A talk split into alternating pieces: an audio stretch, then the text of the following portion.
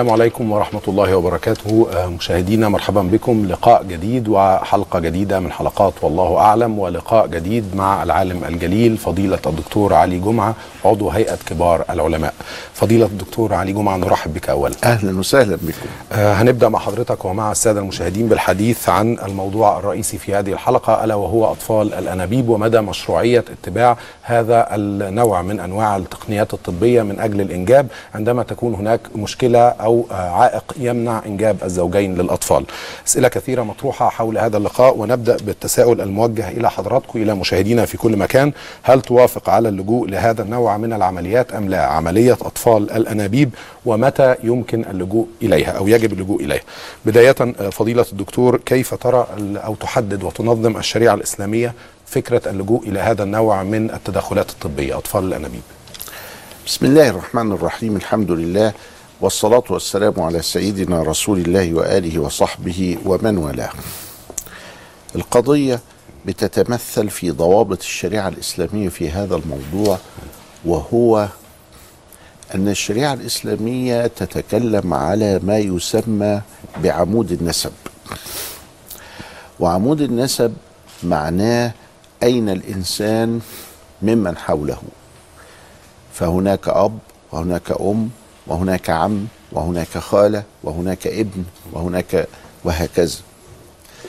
عمود النسب. وعمود النسب هذا بيبنى عليه في الشريعة الإسلامية بل وفي سائر العالم علاقات في الحياة في قضايا الزواج والأحوال الشخصية وعلاقات في الموت كالميراث والوصية وال- وهكذا. إذا ده بيتعلق بالنظام الاجتماعي باجتماع الإنسان. نفهم عمود النسب نفهم متى يثبت هذا النسب هنفهم كل الإجابة على أطفال الأنابيب. أطفال الأنابيب لها سبع حالات بدأت سنة 1979 في بريطانيا أطفال الأنابيب آه، آه، السبع حالات آه، منهم اتنين داخلية في جسم المرأة ومنهم خمسة خارجية. بيلتقي فيها الحيوان المنوي مع البويضة كائن من كان هذا الحيوان وكائن ما كانت هذه البويضة في أنبوبة. ولذلك سميوا بأطفال أطفال الأنابيب. ثم بعد ذلك تزرع أو تشتل هذه ال- ال- النطفة المخصبة مرة أخرى. نعم. في رحم المرأة الزوجة في رحم غيرها في كذا إلى آخره بالتفاصيل التي أوجدت عندي سبع حالات. نعم. هذه البويضة المخصبة. هذه البويضة المخصبة. إذا أنا في الشريعة الإسلامية أريد أن أحافظ على أمرين. الأمر الأول هو الزوجية. حتى يترتب عليه الأمر الثاني وهو ثبوت النسب. لأني مهتم قوي بحكاية عمود النسب دي. آه، عفوا المقاطعة فضيلة الدكتور يجب أن نتوقف الآن مع فاصل قصير آه، حيث آه، حان موعد رفع أذان العشاء بتوقيت القاهرة.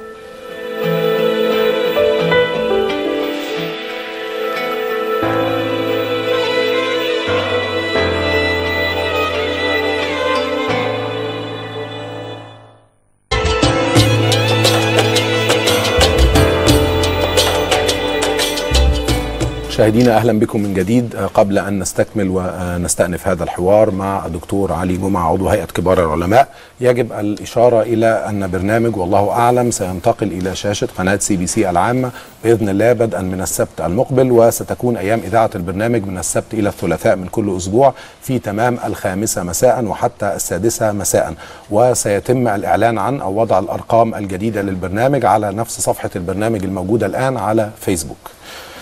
فضيلة الدكتور علي جمعة كنا نستكمل ما بدأت به هذا الحوار والحديث حول الأطر الشرعية للجوء إلى هذه التدخلات الطبية وتحديدا عملية أطفال الأنابيب.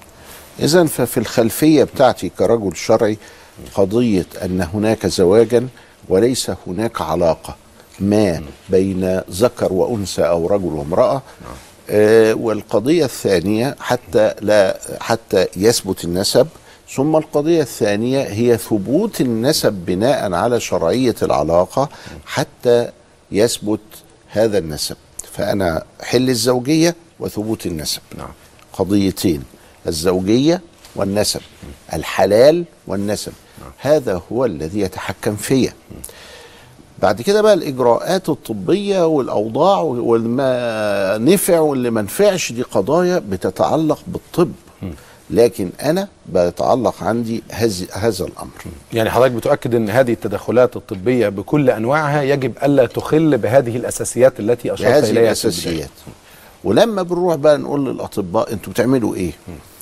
فقالوا لي إحنا ما عندناش شريعة وما عندناش زوجية وما عندناش نسب ولا يهمنا الكلام ده. إحنا عايزين نوجد بإذن الله كائنا. هذا الكائن قد يكون من راجل وامرأة هي زوجته أو امرأة ليست بزوجته أو امرأة أخرى يعني يعني بينهما علاقة الزوجية أو أو بينهم علاقة الزوجية وكل حاجة والمنية من هنا والبويضة من هنا والتالتة دي أجنبية هنستأجر الأرحام. وجت بقى الأفكار بتاع الألفاظ المستعملة في هذا الحقن المجهري. الحقن المجهري بيستعمل في الحالتين اللي هما الداخل. إن أنا هجيب الحيوان المنوي وهدخل جوه رحم المرأة علشان أحقنه جوه لأنه مسكين مش قادر يوصل. لا, لا يستطيع أن يصل إلى البويضة نفسها داخل نعم. الرحم. فده الداخل. الحقن المجهري ليه صورتين واحدة حلال وواحدة حرام. إن الست دي تكون زوجة أو الست دي ما تكونش زوجة. فاذا كانت مش زوجه يبقى لأ. جه كلمة الرحم المستاجره برضو نتجت من أو العملية. الام البديلة تم استخدام هذا أو المصطلح أو الأم البديلة. إن الراجل ده مش مش عارف بس الحيوان إنه يصل إلى البويضة. لأ ده كمان ما يا ما فيش بويضة. يا البويضة ضعيفة.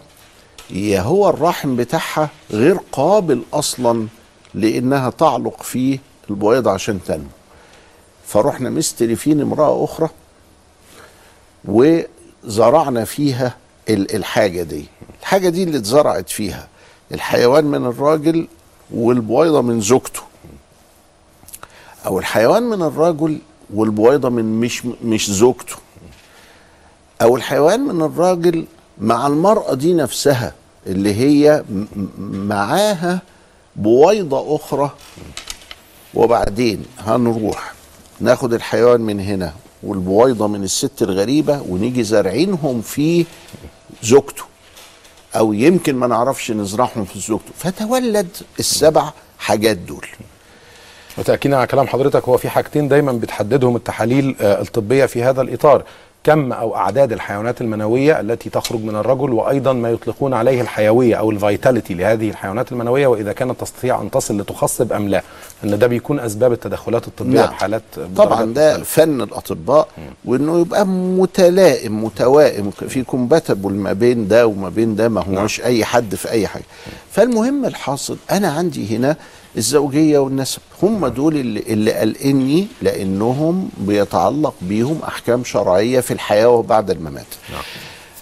فكان ال- الله يرحمه آه الأستاذ الدكتور مصطفى الزرقاء وده كان عضو مجمع ال- الفقه الإسلامي وهو من طبقة مشايخنا.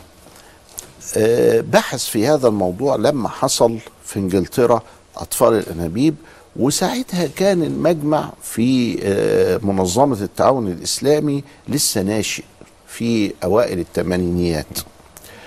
فعرض عليه هذا الموضوع وجاب السبع حالات وجلست الدراسة والمناقشة وكذا وجابوا الخبراء واستمعوا كويس قوي في هذا الزمن وإحنا بنتكلم في سنة 86 أو 84 85 الكلام ده ف- فات عليه 30 سنة. إحنا بنتطور تطور رهيب جدا في تقنيات هذه الأمور والبداية بتبقى مختلفة عما نسميه بالحالة الراهنة المهم بمعنى إن هذه العمليات أصبحت أسهل مقارنة بالفترة اللي حضرتك أشرت إليها الآن. أسهل وأسرع ونسب نجاحها أعلى. زادت وأيضا أدق ودي أدق دي حطها في لأنها مفهوم كلام المجمع لازم يتفهم إن هم كانوا متخوفين من إيه. من إنها لم تكن دقيقة. ومعنى إيه إنها لم تكن دقيقة؟ إنه ممكن آه، يعمل عنده في المعمل ثلاث عمليات فيتلخبطوا فمني آه، رجل يدخل في غير زوجته. أو بويضه امرأة تذهب لغير آه، وهو صاحبتها. خلط الأنساب الذي حذرت منه. فهيحصل خلط للأنساب ولذلك جم وقالوا في السبعة دول فيه اتنين حلال اللي هي تكون فيهم الزوجية والنسب. وفي الباقي حرام وإحنا بننصح شوف الكلمة بقى اللي هي هنفهم ليه أدق دي. وإحنا بننصح إن العملية دي كلها ما تحصلش حتى الاتنين الحلال. ليه؟ لأحسن المعمل يتلخبط. مفيش حاجة زي كده في الفقه. أنا بشترط وبقول لابد المعمل يكون دقيق مش بقول لأحسن المعمل يتلخبط. ده بيسموها في بعض الأحيان سد الذريعة وسد الذريعة دي تحتاج إلى مجتهد قوي قوي علشان يعرف أنا نسد ولا ما نسدش. لأن سد الذريعة بقول على الشيء المباح الحلال إنه حرام. و- ويترتب عليه حرمان هؤلاء من هذا الحق. مثلا وهيترتب عليه بقى مفاسد نفسية وجسدية وشغلانه تانية. ولذلك الدنيا اتطورت بقى. عن سنة كذا و80 لغاية دلوقتي 30 سنة الدنيا اتطورت وأصبحت أكثر دقة. وأصبحت أيضا أكثر قدرة على كشف الخطأ لو حدث خطأ. وعلى تداركه لو حدث هذا التدارك. وبقى في بقى تحليلات الدي ان إيه والأحوال والإدراكات الجينية اللي حصلت في الحقيقة بتضيق جدا من إن في إجراءات احترازية أكثر فهذا يعني يزيد من فرص النجاح ودق والدقة أيضا ده صحيح. نعم. ولذلك على كل حال إحنا هنقر زي ما أقر المجمع بإن في اتنين مباح اللي هي إيه بيحافظ على الزوجية وبيشترطها وبيحافظ على النسب وبيشترطه فاذا أطفال الانابيب أنا مش بدخل فيه هي ممكن ولا مش ممكن ولا بدخل فيه هي إيه إجراءاتها ولا بدخل في الحاجات دي كلها. أنا ع- عيني كرجل في الشريعة على الزوجية والنسب. نعم. خلينا نحفظ ون ون ونشوف الزوجية والنسب. إن هذا هو الأساس هو ده الحفاظ الأساس. على هذين الأمرين هو الأساس للإباحة أو المنع. أو المنع. هو ده المدخل بتاعنا ونبقى فاهمين هذه العملية علشان كل ما هنسأل وكل ما هتعرض علينا حالات هن هنخلي بالنا تملي من الزوجية ومن النسب. طب هسأل حضرتك عن حالة غريبة جدا بتجيلنا تساؤلات عنها أو موجودة بكثرة. آه رجل متزوج من اثنتين. واحدة منهما لا تنجب عندها مشكلة في الإنجاب فتحتاج إلى أن تستعين بالأخرى عن طريق تخصيب البويضة من هذه السيدة ووضعها في رحم الزوجة الأخرى. هل هذا مباح شرعا أم لا؟ لأن ده سؤال وجه إلينا بالفعل. لا مش مباح شرعا ليه؟ لأنه ألف وب رجل متزوج اتنين ألف وب والزوجية قائمة. فراح واخد آه، آه، ووجود منيه في المرأة ألف أو المرأة ب حلال. طب يبقى الزوجية قائمة. ماشي ده شرط أهو. فين الشرط التاني بقى؟ هو الولد ده هيبقى ابن بين إن شاء الله. إحنا خدنا بويضة من هنا ورحنا زارعينها هنا. يبقى ابن مين؟ ابن صاحبة البويضة ولا صاحبة الرحم. ابن صاحبة الرحم. وهنعمل إيه في الميراث؟ وهنعمل إيه في أشياء أخرى اللي هي العلاقات دي؟ هنعمل فيها يبقى إيه؟ حتى في الحالة دي في خلط أنساب في نسبه للأم في نسبه للأمة هيبقى في خلط أنساب. وهيبقى في حاجة إحنا بنخترعها. هتحير الفقيه وهتحير القاضي وهتخليها محل خلاف من غير وجود نصوص شرعية فيها. اللي آه، آه، بنقول إيه؟ بنقول إن بناء الحكم على المشتق يؤذن بعلية ما منه الاشتقاق. يعني إيه الكلام الصعب ده؟ يعني ربنا بيقول والوالدات يرضعن أولادهن حولين كم؟ الوالدات. يبقى بنى الحكم على إيه؟ على الولادة مش على الحمل. طيب يبقى الطفل اللي جوه ده لما هي سواء كانت في الرحم المستأجرة وسواء كان المستأجرة دي هي زوجته ولا غيرها وجهت ولد منها يبقى الولادة هي سبب الأمومة. مش الحمل هو سبب الأمومة. يبقى طب هو بويضته من واحدة تانية. ولذلك السؤال الواحدة التانية دي كانت مخلفة من واحد آخر. فالولد ده هيجوز البنت دي ولا لا؟ يجوز لها ولا لا؟ يجوز لها ولا لا؟ لأنها لو كانت دي أمه ودي أمه طيب لما يموت مين اللي يورث فيهم؟ متاهة. الأم هت... هت... دخلنا في متاهة. هت... هت... هتورث السدس. دي سدس ودي سدس ولا الاثنين شركاء في السدس؟ نعم. ولا ولا إيه بالظبط؟ وليس هناك. شريعة بتقول حاجة في هذا فهتوقعني في الحيرة. كل.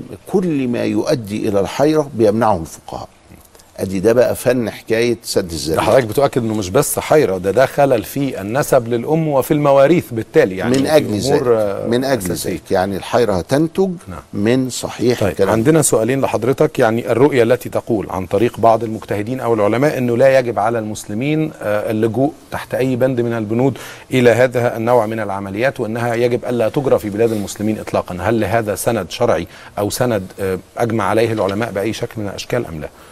لا. ولكن هم ده بقى الاحتياط اللي هو مش الاجتهاد. واحد بيحتاط في كل حاجة فقال لك إيه؟ الباب اللي يجي لك منه الريح سد واستريح. اقفل كل حاجة. ليه؟ قال لي أحسن أغلط. وده عامل زي الشخص اللي بيقول لك الاحتياط اللي زياده عن اللزوم ده اللي هو بيقول لك إيه؟ أنا مش عايز أطلع لحسن آه، أتخبط بطوبة وأموت. آه هو وارد على فكرة وانت ماشي في الشارع تسقط الطوبه الواحد مات. لكن مع ال- الاحتياط الزيادة ده هو مش اجتهاد. الاحتياط الزيادة ده يتقنه كل أحد. يقول لك لا أنا مش هعمل لحسن أغلط فأؤاخذ. أنا رأيت موظفين في جهاز الدولة بيعملوا كده. مرة جالي واحد وقال لي يا مولانا أنا مش عايز أشتغل. أنا فاضل لي سنة الله يخليك.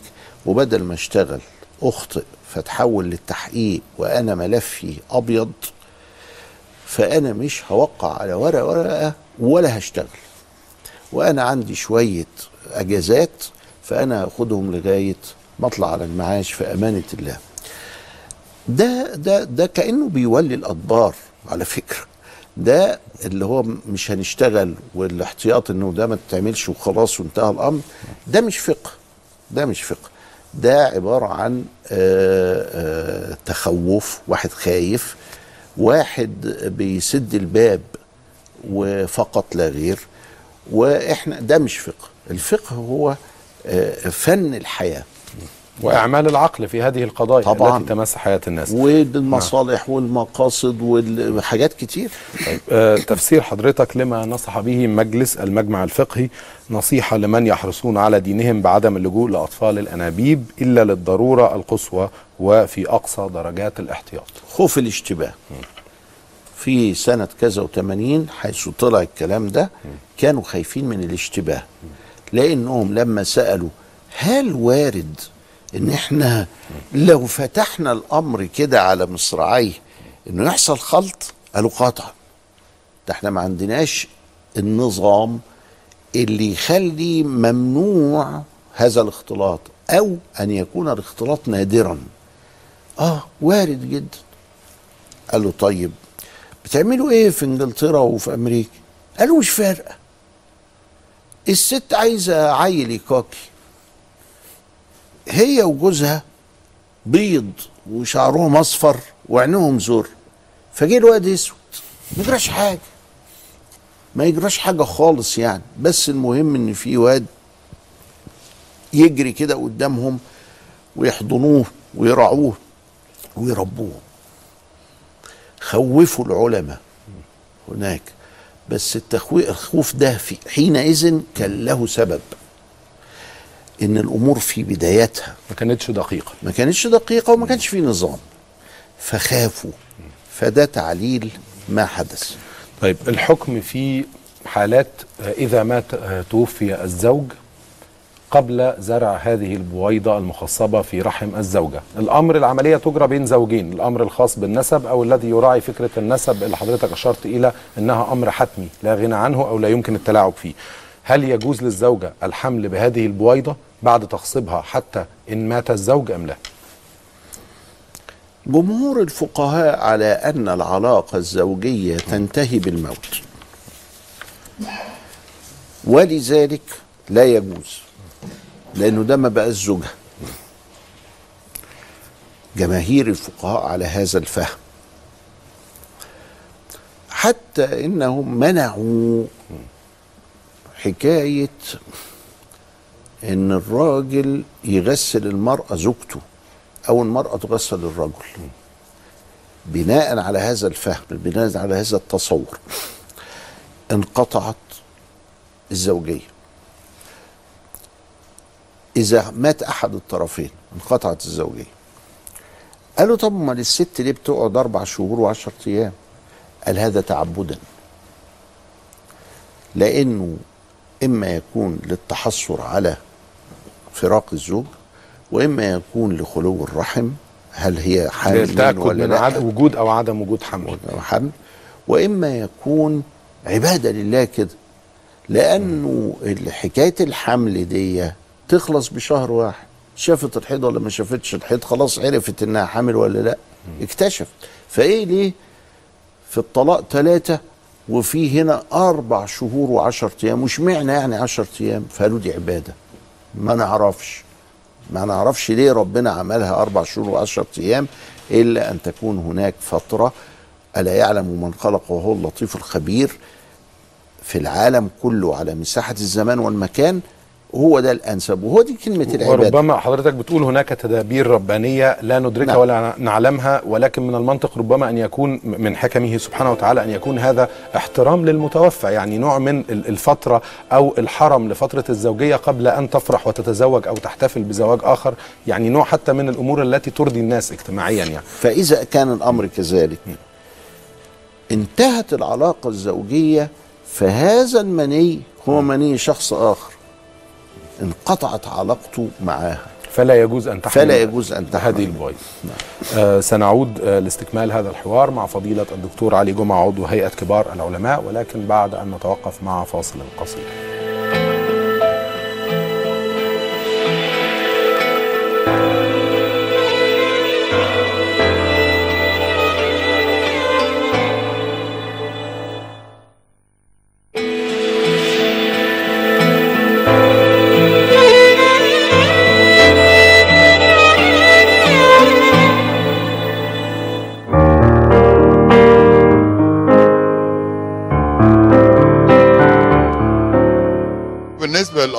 الأنابيب آه، طبعا أنا شايف أن هذا الوضع لا يخالف شرع الله لأن آه، أولا هذا الطفل يولد بإذن الله وبأمر الله. ربنا سبحانه وتعالى يعني لو كان رايد انهم يخلفوا كان خلفهم لأن ربنا سبحانه وتعالى بيقول لك يجعل من يشاء عقيما. لو أي أم محرومة إن هي يكون عندها طفل من حقها إن هي تلجأ لأي وسيلة إن هي يكون عندها طفل.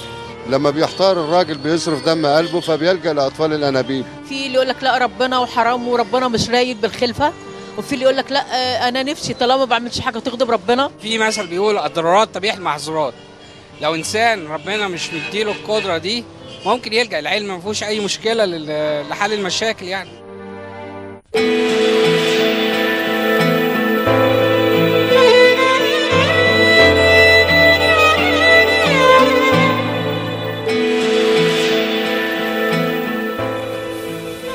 فضيلة الدكتور بداية نستمع إلى تعقيب حضرتك آه، لما جاء من آراء في هذا التقرير؟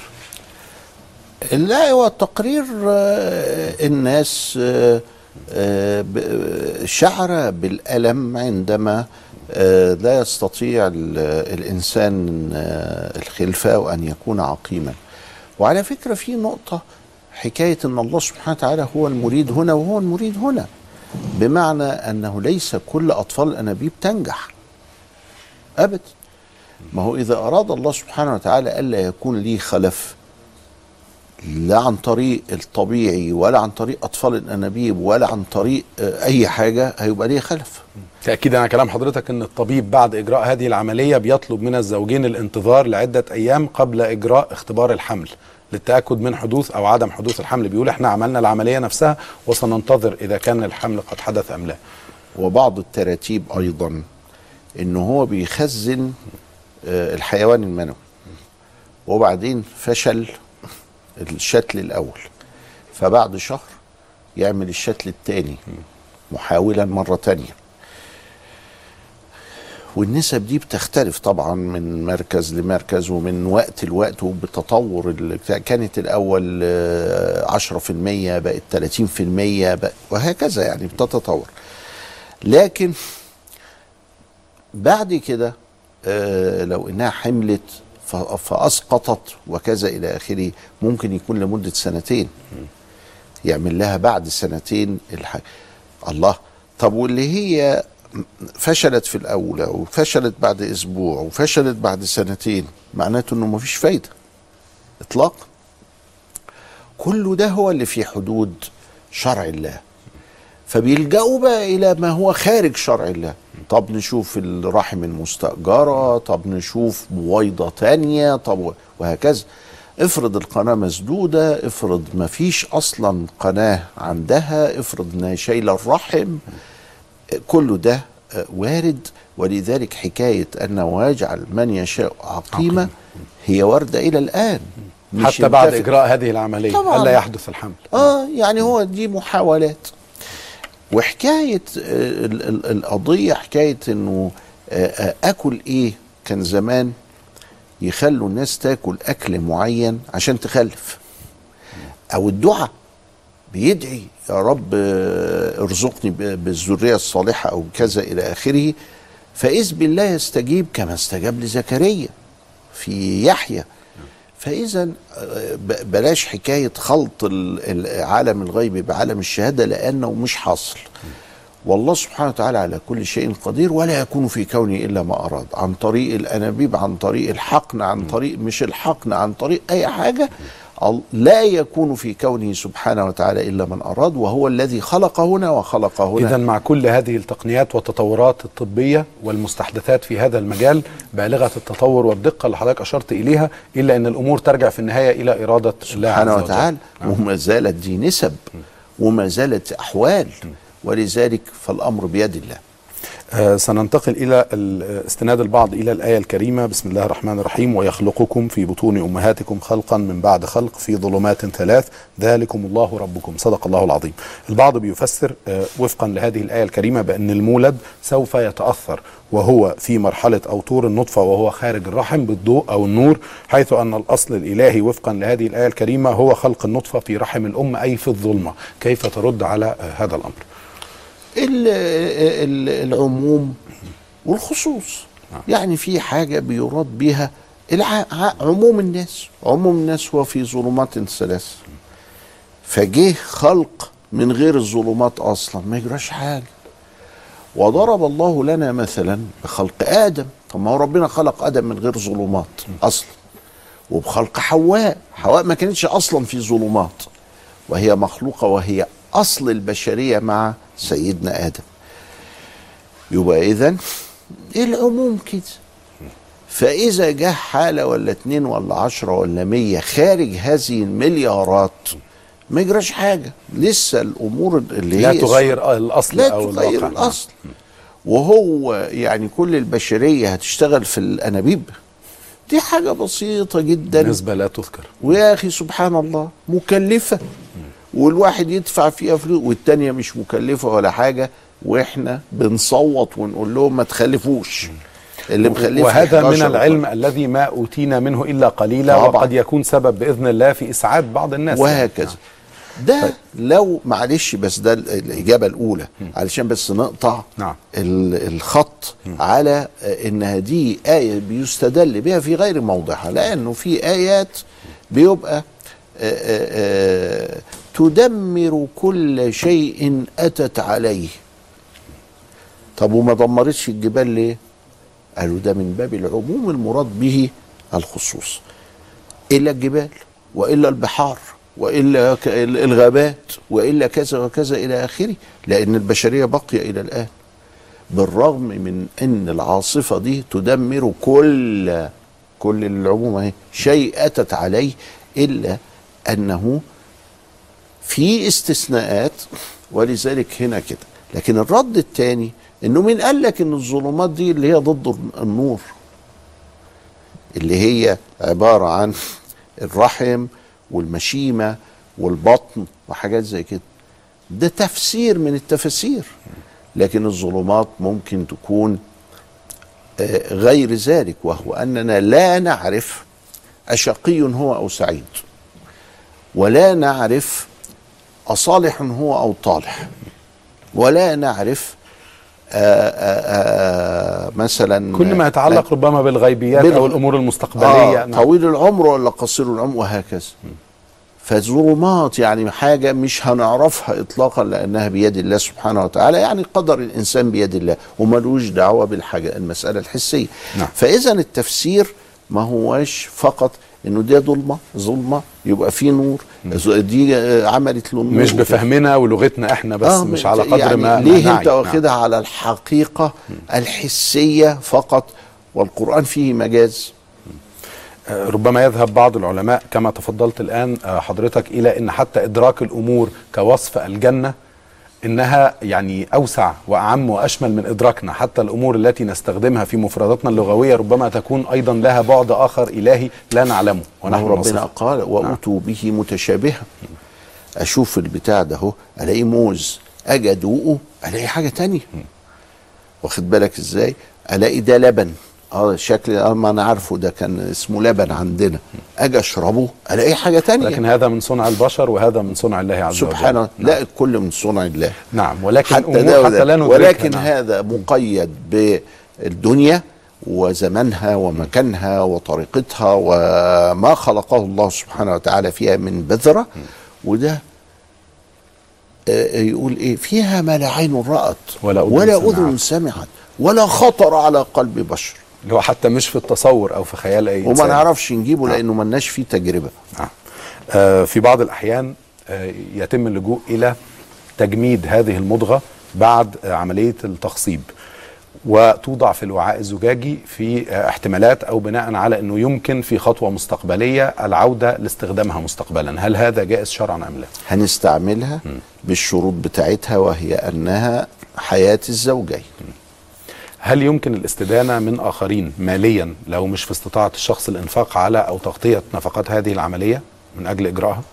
تملي مشايخنا كانوا يقول معاك ما تبخلش ما معاكش ما تستلفش. لأن إحنا مش عايزين نغرق الناس في المديونية.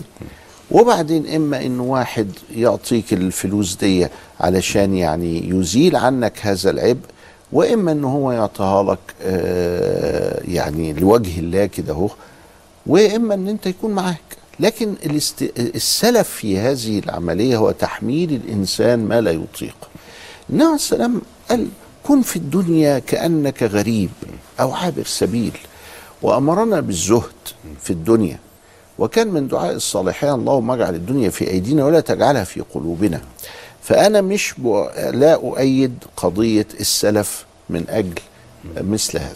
ومصداقا لكلام حضرتك إنه بالقياس على الأمور التي يعني سبحان الله إنه في أمر زي الفريضة أداء فريضة الحج من استطاع إليه سبيلا مثلا. حتى في هذا الأمر نعم. في في آه. يعني إذا رخصة جت من عند ربنا بقى حد بعت لي دعوة ولا قال لي تعالى معانا ولا كذا إلى آخره الحمد لله ربي لك الحمد وأروح وتسقط بها حجة الإسلام لكن ما استلفش علشان.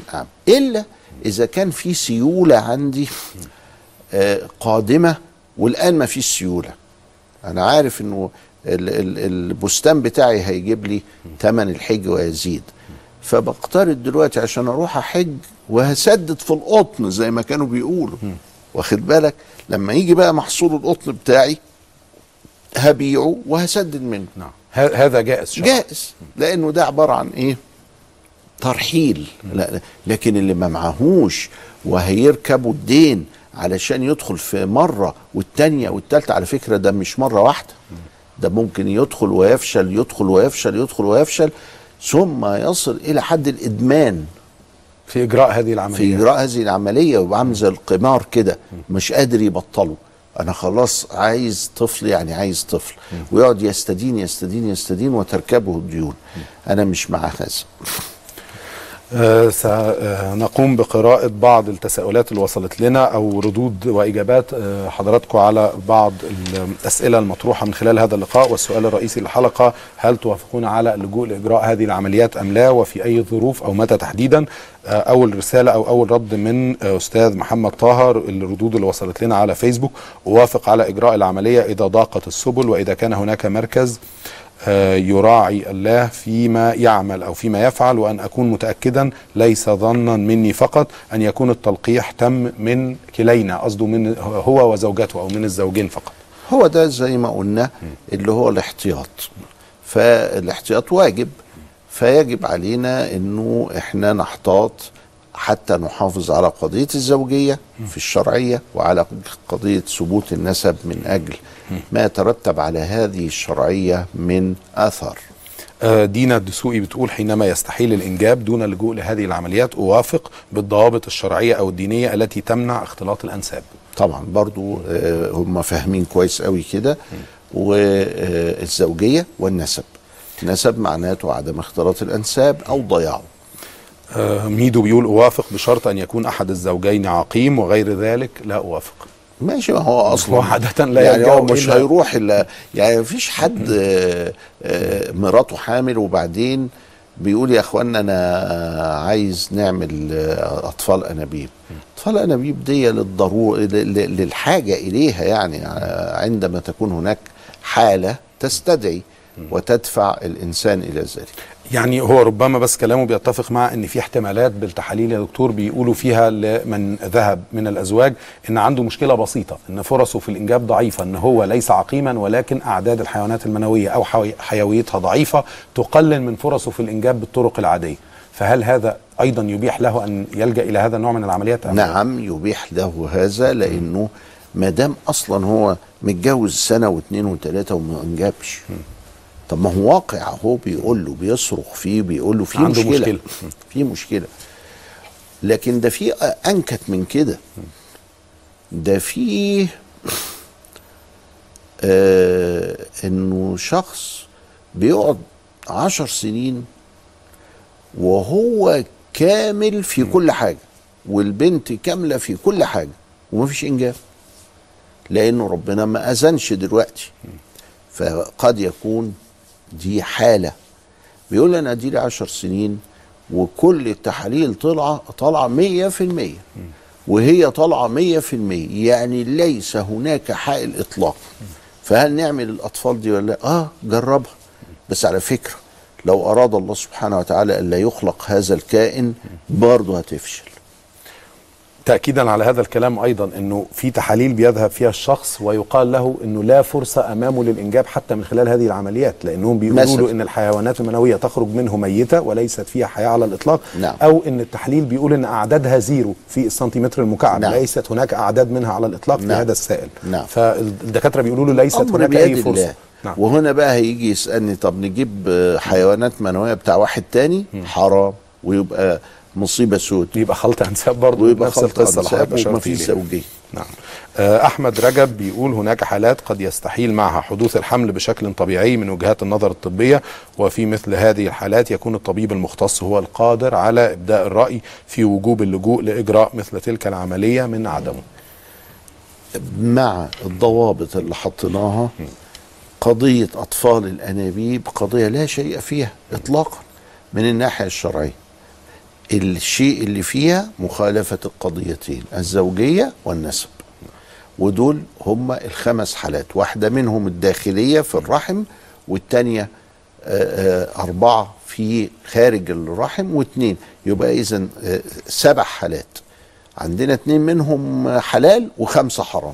والخمسة حرام ليه؟ للقطع في الزوجية أو النسب. آه، حازم أعتقد حازم شتاء هو ربما في غلطة مطبعية في الاسم بس الأقرب للمنطق إن اسمه حازم شتاء وافق في حالة إنها من الزوج وفي رحم الزوجة وليست كما يحدث في بعض دول الغرب من زرع مني الرجل في رحم امرأة أجنبية عنه وقد شرع الإسلام تعدد الزوجات لعلل ومنها الإنجاب. طب ماشي مع ما هو كله ده هو بيصب في كل ما ذكرناه. وأيضا رأي آخر أو رد آخر على السؤال أوافق ويتم اللجوء إليها آه، لما يفقدوا الأمل من إنها ممكن تحصل بطريقة طبيعية وده بعد استشارة الطبيب طبعا. قطعا لأنه هو أصلا هي عملية برضو صعبة ما هي سهلة.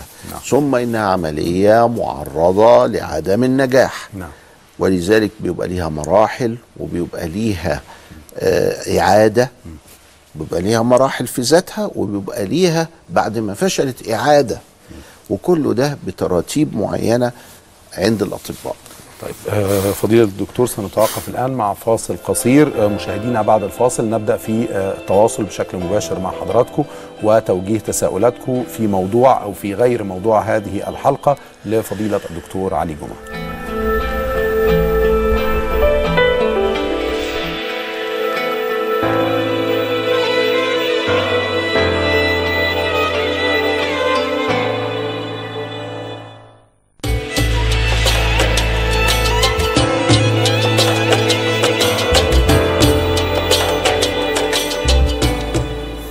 مشاهدينا أهلا بكم من جديد آه، فيما يلي نواصل الحوار مع فضيلة الدكتور علي جمعة عضو هيئة كبار العلماء ونبدأ في تلقي اتصالات وتساؤلات حضراتكم آه، سواء كانت مرتبطة بالموضوع الرئيسي لهذه الحلقة أو حول أي أمر آخر تودون أن تتساءلوا عنه. هنبدأ بأول اتصال أستاذة سالي اتفضلي. ألو السلام عليكم عليكم السلام ورحمة الله السلام. وبركاته.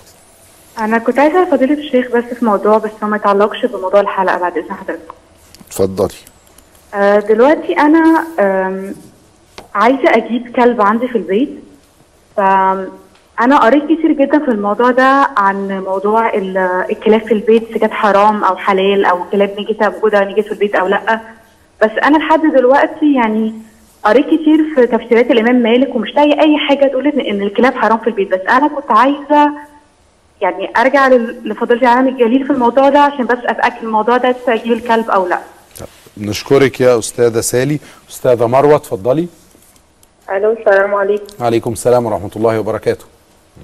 بعد إذنك كنت عايزة أسأل الشيخ على عمليات التجميل معلش أنا عارفة كتير بيسألوكوا عنها بس أنا كنت وزني آه، يعني فقدت آه، وزن كبير وحصل آه، صدري يعني باظ تماما فهل لو عملت عملية تجميل دي ده حرام ولا يعتبر عادي؟ شكرا. شكرا يا أستاذة مروة. طيب آه نسمع إجابة حضرتك عن السؤالين اللي وصلوا إلينا. آه وهنرجع نكمل يعني نتلقى اتصال آخر. أستاذة أستاذة هنا اتفضلي. السلام عليكم. عليكم السلام ورحمة الله. وبركاته. أنا عايزة أشكر آه، فضيلة الشيخ جدا على اتصاله بيا. بس أنا النت قاطع ال- الفترة اللي فاتت دي. أول ما يجي هتصل بح- بحضرتك على طول. دي حاجة. الحاجة التانية أنا عندي سؤال آه، كان في قريت خبر آه، في في الجرايد من فترة إن في واحدة بعد خمس سنين من وفاة جوزها آه، اكتشفت إنها حامل و وبعد ما ولدت وكده رفعت قضية و... و... والمحكمة حكمت لها بثبوت نسب لجوزها المتوفي. ده ده ده فين يا أستاذ هنا؟ يعني في الجرايد يا فندم. لا مش في الجرايد. الست دي فين؟ في بريطانيا في أي بلد. أمريكا في نعم. هنا في مصر على فكرة. آه لا طيب. آه شكرا يا أستاذة هنا. أستاذ بندر من السعودية اتفضل أستاذ بندر اتفضل فضيلة الشيخ. الله الله يزيدكم علم ويوفقكم. تحية لكم المستمعين وضيفك الكريم. أهلا فضيلة وسهلا الشيخ بس الله يرضى عليك. آه لو سمحت يعني نجد ثقافة الخلفة يعني الموجودة الآن. آه يعني تجد الأم تقول لبنتها يعني خلفي علشان تقدري تمسك الراجل ما يتزوج عليك أو ما ي... آه يعني موضوع الخلفة ليس الخلفة يعني أنا أقصد من باب يعني يا ريت تقول لنا كلمة في تصحيح النية في الخلفة إنه الشخص لما يبغى يخلف أبناء ينوي إنه يربيهم التربية الحسنة ويربيهم التربية الصالحة. لا لمجرد إنه على- علشان يرفعوا اسمه أو إنه يكونوا يعني موجودين في الحياة ويكون أثره موجود في الحياة، فما رأي فضيلتكم في الأفكار هذه المنتشرة بين النساء؟ جزاكم الله خير. شكرا يا أستاذ بندر. أستاذ أسامة اتفضل أستاذ أسامة. طيب ربما فقدنا الاتصال. أستاذ حسن اتفضل السلام عليكم ورحمة الله وبركاته. تحياتي للرجل السلام ورحمة الله وبركاته. الراسخ في علمه الدكتور علي جمعة. آه سؤالي هو استفسار آه وبيان مدى فهمي هذه الآية الكريمة. قل لا أسألكم عليه أجرا إلا المودة في القربى ثم أتبعها رب العزة ومن يقترف حسنة نزد له فيها حسنة أي أن التودد والقرب من آل البيت هو حسنى يزد- يزد الله له فيها حسنى هذا سؤال. السؤال الثاني آه، آه، ما, رأي حضراتكم في في في آه، مدد يا سيدنا النبي مدد يا سيدنا الحسين؟ ولكم الشكر. السلام عليكم. شكرا جزيلا واتصال أخير هذه المجموعة من الاتصالات قبل أن نستمع إلى إجابات وتعقيب فضيلة الدكتور على هذه التساؤلات وإذا اتسع الوقت ربما نعود لتلقي مجموعة أخرى من الأسئلة. أستاذ محمد؟ أستاذ محمد اتفضل. أم محمد عفوا معانا آه، السيدة أم محمد اتفضلي. السلام عليكم. عليكم السلام ورحمة الله وبركاته. لو سمحت كنت عايز أسأل بس فضيلة الشيخ آه، أنا ليا أختي ربنا رزقها بطفلة معاقه الطفلة دي اللي قعدت معاها حوالي خمس شهور ووريتها يعني ما كانتش بتشوف النوم لا ليل ولا نهار. ف... فالشيطان الشيطان ضحك عليها وخلاها في وقت من الأوقات حطت عليها البطانية ونامت وسابتها. قامت لقيتها متوفاة. فهي دلوقتي لا بتنام أمها ليل ولا نهار وعياط مستمر وحالة نفسية ربنا اللي يعلم بيها إيه هي. فإحنا كنا عايزين نعرف من فضيلة الشيخ كفاره الموضوع اللي هي عملته ده إيه ربنا يغفر لها ولا لأ. فمعلش شكراً، نعم. من حضرتك. شكرا جزيلا لحضرتك. آه، اتفضل يا دكتور نبدأ بأول سؤال. آه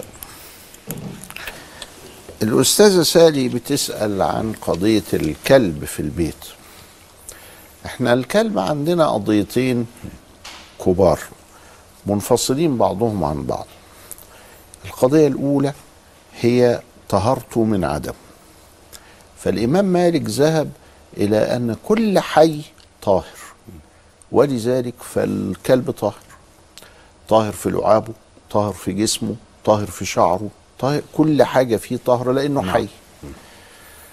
و آه، هذا يعني عمل إشكال عند الأئمة القدماء بيقولوا له الله إزاي؟ إذا كان في حديث إذا ولغ الكلب في إناء أحدكم فليغسله سبعا إحداهن بالتراب. فقال أيوة ده تعبد. ده في حاجة أنا مش عارفها. خلت إن الكلب له علاقة بالطهارة بالتراب. إني إذا ولغ الكلب في إناء بعد كده على في العصر الحديث اللي إحنا فيه ده هو اكتشفوا إن لعاب الكلب فيه جراثيم بتتحوصل وتقفل على روحها وما بتتفكش إلا بالتراب. مش إحنا اللي اكتشفنا كمسلمين. ده علماء في الغرب نعم. مش الغرب وبس حكايه المجهر الميكروسكوب والتلسكوب. المجهر. المجهر علمنا حاجات في حقائق الكون أخرى. فاتضح إن الإمام مالك عنده آه، نورانية. وطبعا الإمام مالك قال كده ليه؟ وقال لي إن اولا القاعدة بتقول عنده كل حي طاهر. هو ده اللي شافه في أولاد الصحابة. أولاد الصحابة دول واخدين عن آبائهم. مربي كلب. هو كان بيربي كلب. إما لاي غرض بقى؟ للحراسه أو علشان يسوق الغنم. ويحميها من الديابة أو علشان آه، آه، للصيد ربما لغرض كان للصيد فيه الكلب أيضا. وإما لل... وهكذا. أغراض كتير. النهارده أنا لما يجي لي واحد في أمريكا وبيقول لي ده أنا ضرير والكلب المدرب كده أو لما يجي لي في الشرطة ويقول لي ده الكلب لابد منه في كشف المخدرات وفي كشف المتفجرات وفي كشف البلاوي دي كلها. أو يجي لي واحد يقول لي ده ده الكلب هول ده بيورينا آه، آه، أين وبي بي- بي- آه، بيضبط ال- الإيقاع المجتمعي. فأنا أقول له خلاص أنا ماشي ورا الإمام مالك. بتحصل مآسي لو ما مشيناش ورا الإمام مالك ومشينا ورا مثلا الراي الثاني اللي في الفقه الإسلامي اللي على فكرة يمكن ممكن يكون الجمهور اللي بيقول إن الكلب نجس. واخدين من كده إنه فليغسله سبعا إحداهن بالتراب. ولذلك ده واضح ست جدا. مرات بالمية وبعدين ست مرات بالتراب. بالمية والسابع بالتراب وفي رواية الدرقوت والثامنة بالتراب. يا عيدي مش يغسل مرة واحدة. ده ده مش نجاسة وبس ده. نجاسة مغلظة كمان. فلما خدنا ب... لو خدنا بكده وبعدين يجي واحد عنده تاكسي في أمريكا وقف لواحد ضرير فأنا داخل بالكلب بتاعه. يقول له لا انت كده هتنجس لي التاكسي أنا رافض ركوبك. يكفي هذا الموقف لتشويه صورة الإسلام والمسلمين. بعض الناس يقول لي وأنا مالي؟ وأنا مالي بأخينا الضرير ده الأمريكاني؟ ما يروح في داهية ولا يروح الكلام ده ما فيش ريحة الفقه. لا ما يروحش في داهية. صورة الإسلام أنه دين رحيم مش دين قاسي. فيا اخوانا ما تتخيروش من الفقه الإسلامي ما تشوهون به عند العالمين الإسلام أو تحرموا الناس من مصالحها. يعني يعمل إيه أخينا ده؟ الضرير اللي بيقودوا الكلب ده أو كذا إلى آخره. ده الملف الأول. بنقول الكلب في الفقه الإسلامي مختلف في طهارته وإحنا بنتبنى كلام إمام الأئمة وبدر التتمة إمام أهل الهجرة الإمام مالك اللي بيرى أنه طاهر وأن نظافته من قبيل التعبد وليس من قبيل النجاسه ولكن حضرتك بتنصح دايما بالقضية بقى الخاصة بالملائكة والصلاة. حضرتك دي اتكلمت بقى التانية. أكتر من مرة. لا، دي بقى ال- ال- الدايرة الثانية وهي إنه طيب الكلب ده الملائكة ودي حاجة غيبية وعرفناها من سيدنا رسول الله صلى الله عليه وسلم ولا حيلة لنا فيها. الملائكة ما بتدخلش مكان فيه ده. طيب إحنا عايزين الملائكة تدخل وأنا بصلي. ولذلك بنقول اللي عايز يجيب كلب وابتلي بهذا لأي غرض من الأغراض اللي من ضمنها الحراسة واللي من ضمنها الونس واحدة بتخاف. تقعد في مكان أو كذا إلى آخره واحدة بتخاف من إنها تقعد لوحدها أو عايزة حد يبقى معاها كده فيبقى تجيبه وتخصص مكان للصلاة. وده اللي بنقوله للأخت سالي. لا يصل إليه هذا الكلب أو لا يدخل على لا الإطلاق. يدخله علشان بس الملائكة تدخل طيب طيب أنا في الغرض المستخدم من أجله هذا الكلب هسأل حضرتك بمنتهى الصراحة. وطبعا في أغراض الحراسة والصيد وغيرها والحماية والكشف عن المتفجرات دي مع الأجهزة الأمنية ومنها بالنسبة للناس العاديين. في كلاب آه، يعني بتقاوم حتى بتعرف تتعامل مع الحرائق. يعني كلب اسمه Dalmatian بيدخل في وسط النار يدور على الناس. أو كلب اسمه سان برنار بيدور على الناس وسط الجبال وفي التلج لأن ر- قوة الشم عنده بتخليه يوصل للناس وينقذهم. الكلب المخطط أسود فابيض. ولكن ده ال Dalmatian. ولكن في نعم. النهاية هسأل حضرتك سؤال. معظم الناس كما نعلم في مجتمعنا بيشتروا الكلب ويربوه علشان الولاد عايزين كلب علشان شكل ال- العيلة معاها كلب بيخرجوا بيه ويتمشوا بيه. يعني نوع من أنواع الديكور أكتر منه للأغراض الأخرى. هل هذا يعني يتدخل في فكرة الإباحة أو المنع ولا ملوش علاقة؟ هو ال- الملكية وهم بيتكلموا في الملف الثاني هم اتكلموا في الملف الأول وانه ظاهر وخلاص. قالوا إلا لغرض. وما بينوش إيه هو الغرض ده. ولذلك سالي بتقول ده أنا بحثت فلقيت إنه يعني ما فيش حاجة تمنع يعني. ما هو ده غرض. العيال عايزة تتعلم الوفاء. العيال ده ابن المرزباني ألف كتاب فضل الكلاب على كثير ممن لبس الثياب. لأن الكلب ده أوفى الحيوانات. ده هذا الكلب لما يموت صاحبه بيمتنع عن الأكل وينتحر كأنه يعني. فيا إخوانا إحنا مش عايزين النبي عليه السلام مرة. اولا ده النبي عليه السلام لما جاله جبريل واكتشف كراهية الملائكة لأن تدخل بيتا فيه كلب كان في عنده كلب. الله يعني النبي عليه السلام عنده كلب تحت السرير. جره صغير تحت السرير. فلما تأخر جبريل وطلع له فقال له إيه في إيه أنت تأخرت؟ قال له آه، ده في كلب عندك آه، فاكتشف النبي كراهية ونحن لا ندخل بيتا فيه كلب أو صوره تمثال يعني معبود وثن. ف وتكره مما ينفر الملائكه الكرام الريحه الوحشه الدم القذارة. ال- ال- حاجات كده اهو تنفر الملائكة واردة في الأحاديث ومؤلف فيها الشيخ آه، محمد بن جعفر الكتاني شفاء السقام فيما ينفر الملائكة الكرام. فأنا دلوقتي هذا ال- الكلب اللي, اللي موجود إنما هو موجود لغرض بس المهم إنه يبعد عن مكان العبادة وكل دي أغراض ولا بأس. فالنبي عليه السلام فكر الله ما دام الكلب بالشكل ده طب ما نقتله. فلم يبح قتله إلا إذا كان عقورا مسعور لأنه هيترتب عليه ضرر. فقال خمس يقتن في الحل والحرم الكلب العقور. أما الكلب غير العقور فهم صلى الله عليه وسلم أن يقتل الكلاب. فنزل جبريل وقال يقرئك ربك السلام ويقول إن الكلاب أمة من الأمم. يعني اللي هو دلوقتي فكرة إيه؟ الكلب العقور. دي. هل تفسيرها بس لغويا يا دكتور إن هو الكلب اللي ممكن يعقر شخص ولا ده نوع من الأمراض اللي بتصيبهم؟ ولا الكلب الشرس أو العنيف اللي ممكن يهاجم حد؟ الكلب اللي بيهاجم فيسبب السعار. نعم. ما ده الكلب مريض يعني عنده بالفعل مرض نعم. فهو فهو بيبيح قتل الكلب العقور منع للضرر. لكن كلاب لما فكر يبيدها قالوا لا دي أمة من الأمم. والأمة من الأمم دي خلته إن هو يبطل. فنقول للأخت سالي ويمكن اللي إحنا بنقوله ده يبقى يعني يعني بيان لل- للحال إن الملائكة بتنفر. وما ما بي ما بتجيش في المكان اللي فيه كده لكن يمكن الاحتيال على ذلك بإنك تجعلي مكان مخصص للعبادة وللصلاة ما يدخلوش الكلب.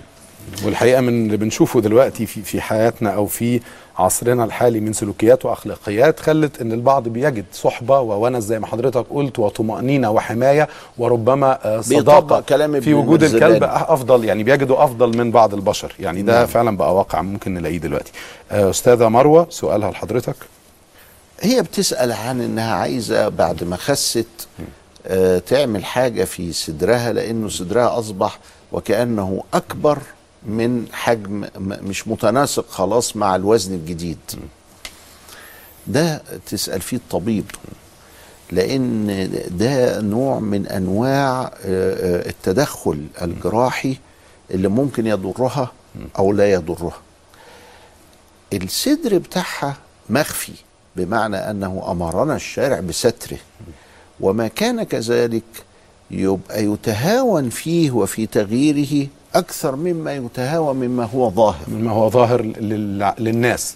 ال- الأنف ال- كذا طب ولو. بتفكر تعمل ده عشان زوجها لأن في نساء بيبقى عندهم مشكلة حتى في أمور يعني آه، يتم إخفائها عن العامة ولكن يراها الزوج وعندها مشكلة أو تخجل من أن تريها للزوج. تقيس الأمور بعضها مع بعض. يعني الحكاية ما هياش مغلقة لأن إحنا بنتعامل الآن مع مكان مخفي.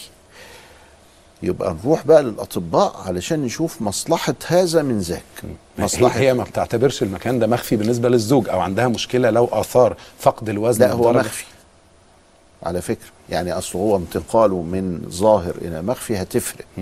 إنه هل هو تغيير لخلق الله ولا لا. أما إنها بتتجمل لزوجها ده غرض صحيح. ملوش دعوة. لكن هو ما زال مخفيا. اللي هو مخفي عن خلق الله يعني. عن العامة. ف- عن نعم. الع... عن عموم الناس. فاذا أنا بروح للطبيب وبقول له الحركة دي بقى هتضر جسمي هتضر صحتي هتضر حياتي ولا ما فيهاش أي ضرر اطلاقا؟ لو الأطباء أفتوها طبيا بعدم الضرر خلاص. عدم تعرضها لضرر يمكن تعمل. أن تلجأ لهذا تعمل. هذا آه أستاذة هنا. الأستاذة هنا بتسأل سؤال شوية آه، غريب. إنها سمعت في جريدة من الجرائد إن في واحدة بعد جوزها ما مات بخمس سنين و آه، القضاء المصري راحت رفعت قضية وقالت ده أنا حامل بعد خمس سنوات. وما دمت أنا حامل أنا عايزين تثبتوا اولا النسب وهيترتب طبعا على إثبات النسب إن الواد اللي هينزل ده هيورث في المتوفى. لأنه هيبقى آه، وبعدين الأغرب بقى هي إنها قرت انه القضاء المصري آه، قضى بانه أيوه الواد ده ابنه. الكلام ده يا هنا محض خرافة. لا وجود له. القضاء المصري ملتزم بالقانون والقانون بيجعل أكثر مدة الحمل سنة وجعلها سنة ميلادية يعني 365 يوم. فإذا ادعت المرأة إنه في حمل عندها بعد مضي 365 يوم بيوم من وفاة الزوج. فالزوج واحد يناير جت هي في 2 3 يناير. اللي بعده. وقالت ده أنا حامل منه فإن المحكمة لا تصدقها أصلا ولا تسمع الدعوة أصلا ولا ترتب على ذلك شيئا. آدي اذا القضاء المصري وده يا هنا حاجة فجريدة كتبت كده ما تصدقيش الجريدة دي ولا تلتفتي إليها وده كلام خرافة لأنه ضد ما جرت عليه الإفتاء والقضاء في مصر. نعم. أستاذ بندر. الأستاذ بندر يعني هو عايز يصحح النية وبيقول للناس آه، آه، شهوتكم في كثرة العيال ينبغي ألا تكون لشغل الزوج. اشغليه بكثرة العيال علشان ما يروحش يتجوز غيرك. ودي نية مش كويسة. ما تكونش للعزوة إن أنا عايز يبقى عندي عزوة علشان آه، يعني آه، اتخانق واتشاجر واسيطر واعمل على الآخرين أو اشغل الأطفال. وهم طب, أطفال. طب ولو رغبة في وجود العزوة اللي حضرتك أشرت إليها بس من غير نوايا للشر. يعني يعني الرسول عليه الصلاة والسلام لما قال تناكحوا تناسلوا فإني مباهن بكم الأمم يوم القيامة. الفكرة دي إن شخص عايز ينجب ولديه هو يعني حالته المالية تسمح بده ويريد أن ينجب عدد من الأطفال بس هو قادر على تربيته. ماليا لا كمان. هي مش القضية كده. على فكرة الحديث تم. تم خلاص. إحنا بقينا مليار وشوية. ما خلاص تم. فإني مباهم بكم الأمم يوم القيامة كان أمر إحنا مأمورين به وإحنا عملناه. والحمد لله بس زدنا شوية.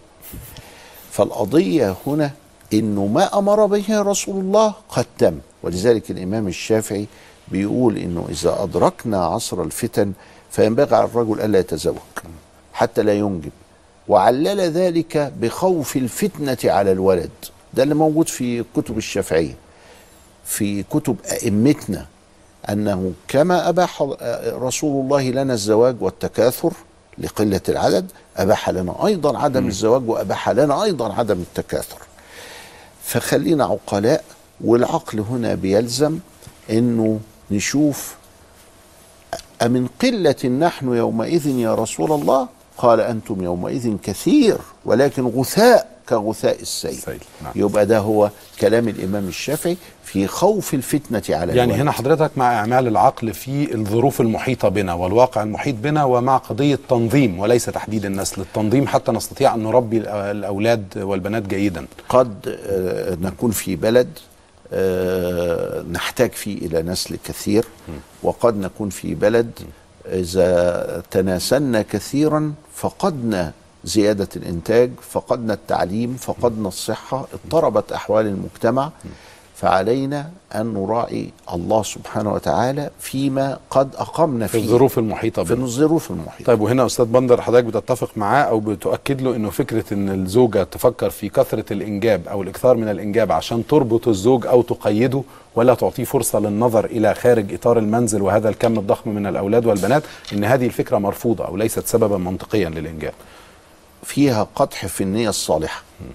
وكذلك حتى أن يحمل اسمي أو أن يتفاخر بقبيلتي أو عيلتي أو كذا إلى آخره.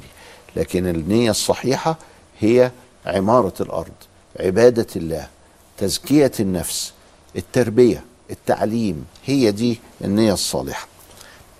ال- الأستاذ حسن حسن. بيقول آه، آه، قل أسألكم عليه أجرا إلا المودة في القربى. وبعدين بيقول ومن يقترف حسنة نزد له فيها حسنى ف آه، آه، طبعا آه، حب أهل البيت مما تركه لنا رسول الله صلى الله عليه وسلم حتى نصنع معه علاقة طيبة مع رسول الله علاقة طيبة.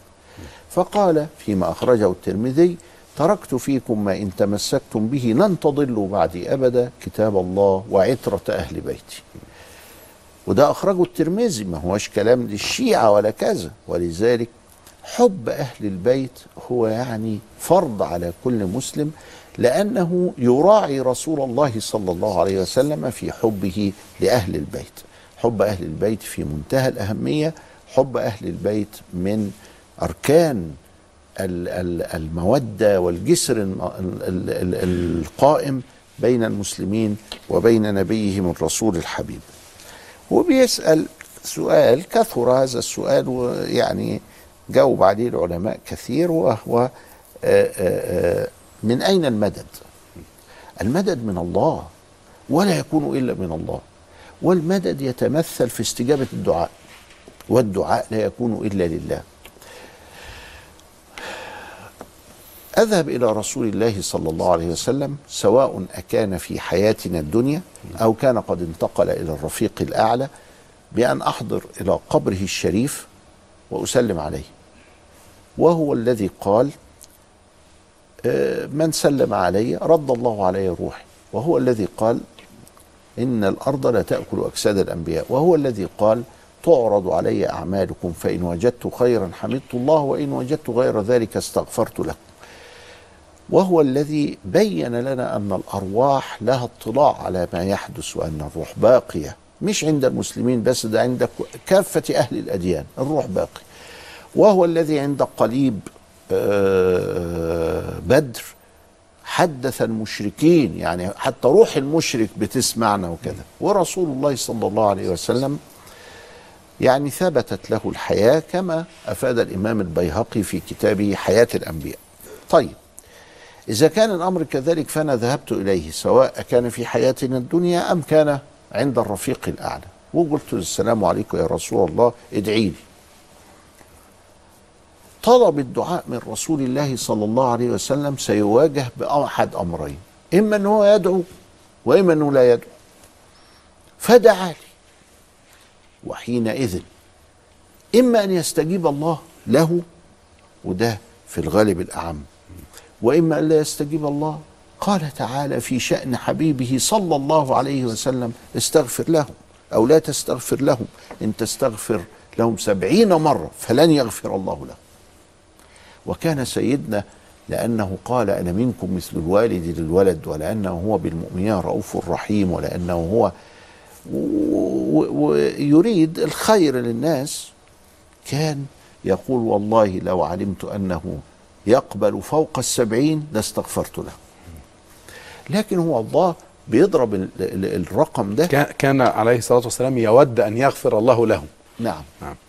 لكن الله خلاص قالوا لا يعني لا خلاص. من الحاكم؟ من صاحب الجلال؟ الله. وفي النهاية أنا دلوقتي طلبت من الرسول الرسول يا إما يدعو يا إما لا يدعو. وإذا دعا يا إما يستجيب الله يا إما لا يستجيب الله. فمن أين المدد من الله؟ فإذا أنا بطلب من الرسول إنه يدعي لي. فدعا أو لم يدعو أو بطلب من سيدنا الحسين إنه يدعي لي. بقول له ادعي لي ربنا ان هو يفرج عني.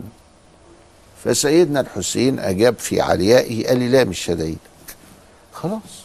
الأمر الله الله هو اللي, اللي هيوفقه للدعاء أو الله هو اللي يمنعه من الدعاء. دعا لي. وقال له يا رب خد بالك من علي كده اهو اديله حاجة كده اهو اديله حاجة يا رب علي ده. فالله قال له لا.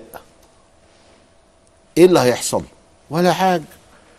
الله سبحانه وتعالى هو الفعال لما يريد. ولو أنهم إذ ظلموا أنفسهم جاءوك فاستغفروا الله واستغفر لهم الرسول لوجدوا الله توابا رحيما. هو ده بقى وعد من الله. بنلجا اليه نقول مش أنت اللي قلت كده وأنت أصدق الأصدق وانت تلبي هذا سبحانك استجب لي. فالمدد من الله سبحانه وتعالى حتى لو سألنا الدعاء من غير لا تنسانا في صالح دعائك يا أخي. بعض الناس بقى طلع يقول لك ده حديث ضعيف.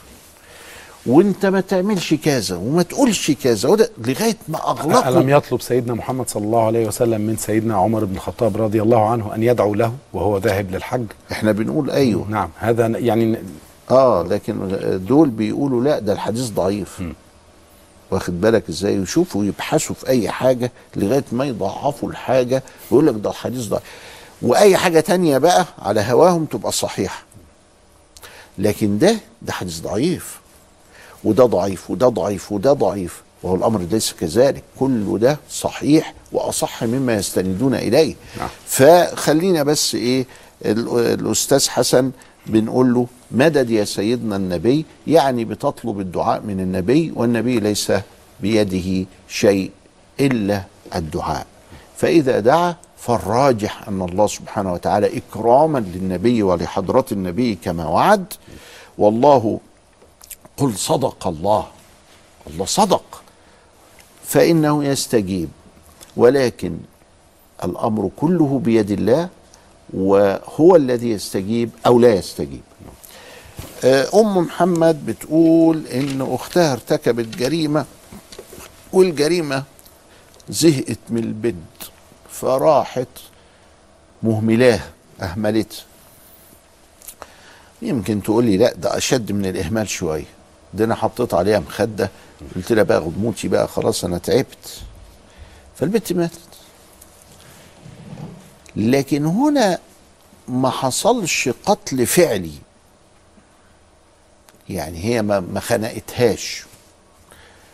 مرة جات لي واحدة وأستاذة كبيرة في الجامعة. وقالت لي ال ال الواد بيعيط. وأنا قاعد أكتب المقالة. ففكرت إن أنا أرميه من الشباك. خطر في بالها وهي أستاذة جامعية إنها ترميه في من الشباك. وبعدين يعني فقت لأن أنا كنت في سكرة ال ال ال التفكير ده فاستغفرت ربنا وكذا. فيبدو حصل حاجة عندها رغبة في النوم راحت حاطة المخدة ونامت يمكن دعت ربنا ربنا ياخدها. فخدها بقى. فهي في عذاب الآن. إحنا دلوقتي دي حادثة حصلت فعل حصل رغبة آه موجودة حصلت. تستوجب الاستغفار تستوجب التوبة. بس لازم أيضا إن إحنا نؤمن بإن التوبة مقبولة من عند الله. بس يعني خليني أضع نفسي مكان السادة المشاهدين اللي بيتابعوا حضرتك دلوقتي. مع كل الاحترام لما تفضلت به الآن يا دكتور لو الأم تعلم إن هذا الطفل أو هذه الطفلة ضعيف أو ضعيفة ولا يستطيع أن يحرك هذا الغطاء أو هذه الوسادة التي ستوضع على وجهه وعلمت هذا الأمر الله أعلم بالنوايا لو كانت تعلم وقالت خلاص أرتاح من الدوشة أو من الزن أليس هذا قتلا فعليا؟ لو هي تعلم أن هذا الشخص لن يستطيع أن يحرك هذا العائق الذي يمنعه من التنفس. هو أنا قلت لك إنها تساب على ذلك أو تؤجر ولا قلت لك إنها معصية هتحاسب عليها فعليها التوبة؟ حضرتك بقى بتنصحها بإيه دلوقتي إنها تنتحر؟ لا أنا ما بنصحش أنا بسأل حضرتك. لا أنا, أنا كمان بسألك بسأل حضرتك. لا أنا بسألك أهو. بسألك. أهي واحدة ارتكبت جريمة.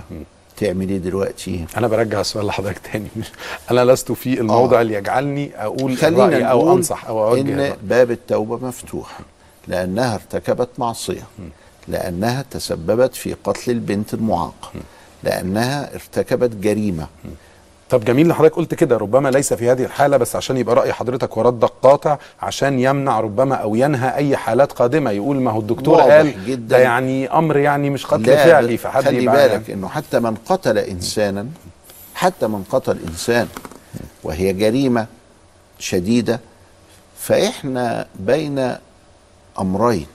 مرة واحد جه لابن عباس وقال له أنا دلوقتي آه اللي يقتل مؤمن. اللي يقتل مؤمن هيروح فين؟ قال هيروح جهنم وبئس المصير قال له ليه توبة؟ قال له ملوش توبة. التابعين قاعدين تلامذته جنبي. جه واحد تاني. وقال له أنا قتلت. ليه توبة؟ قال له آه ليك توبة. تلامذته سألوه أنت ليه قلت لده؟ ملوش توبة. وقلت قال ده جاي وفي عينيه الشر. وهيقتل. فقلت له مالكش توبة. علشان ما يقتلش. لكن انت ده قتل فعلا.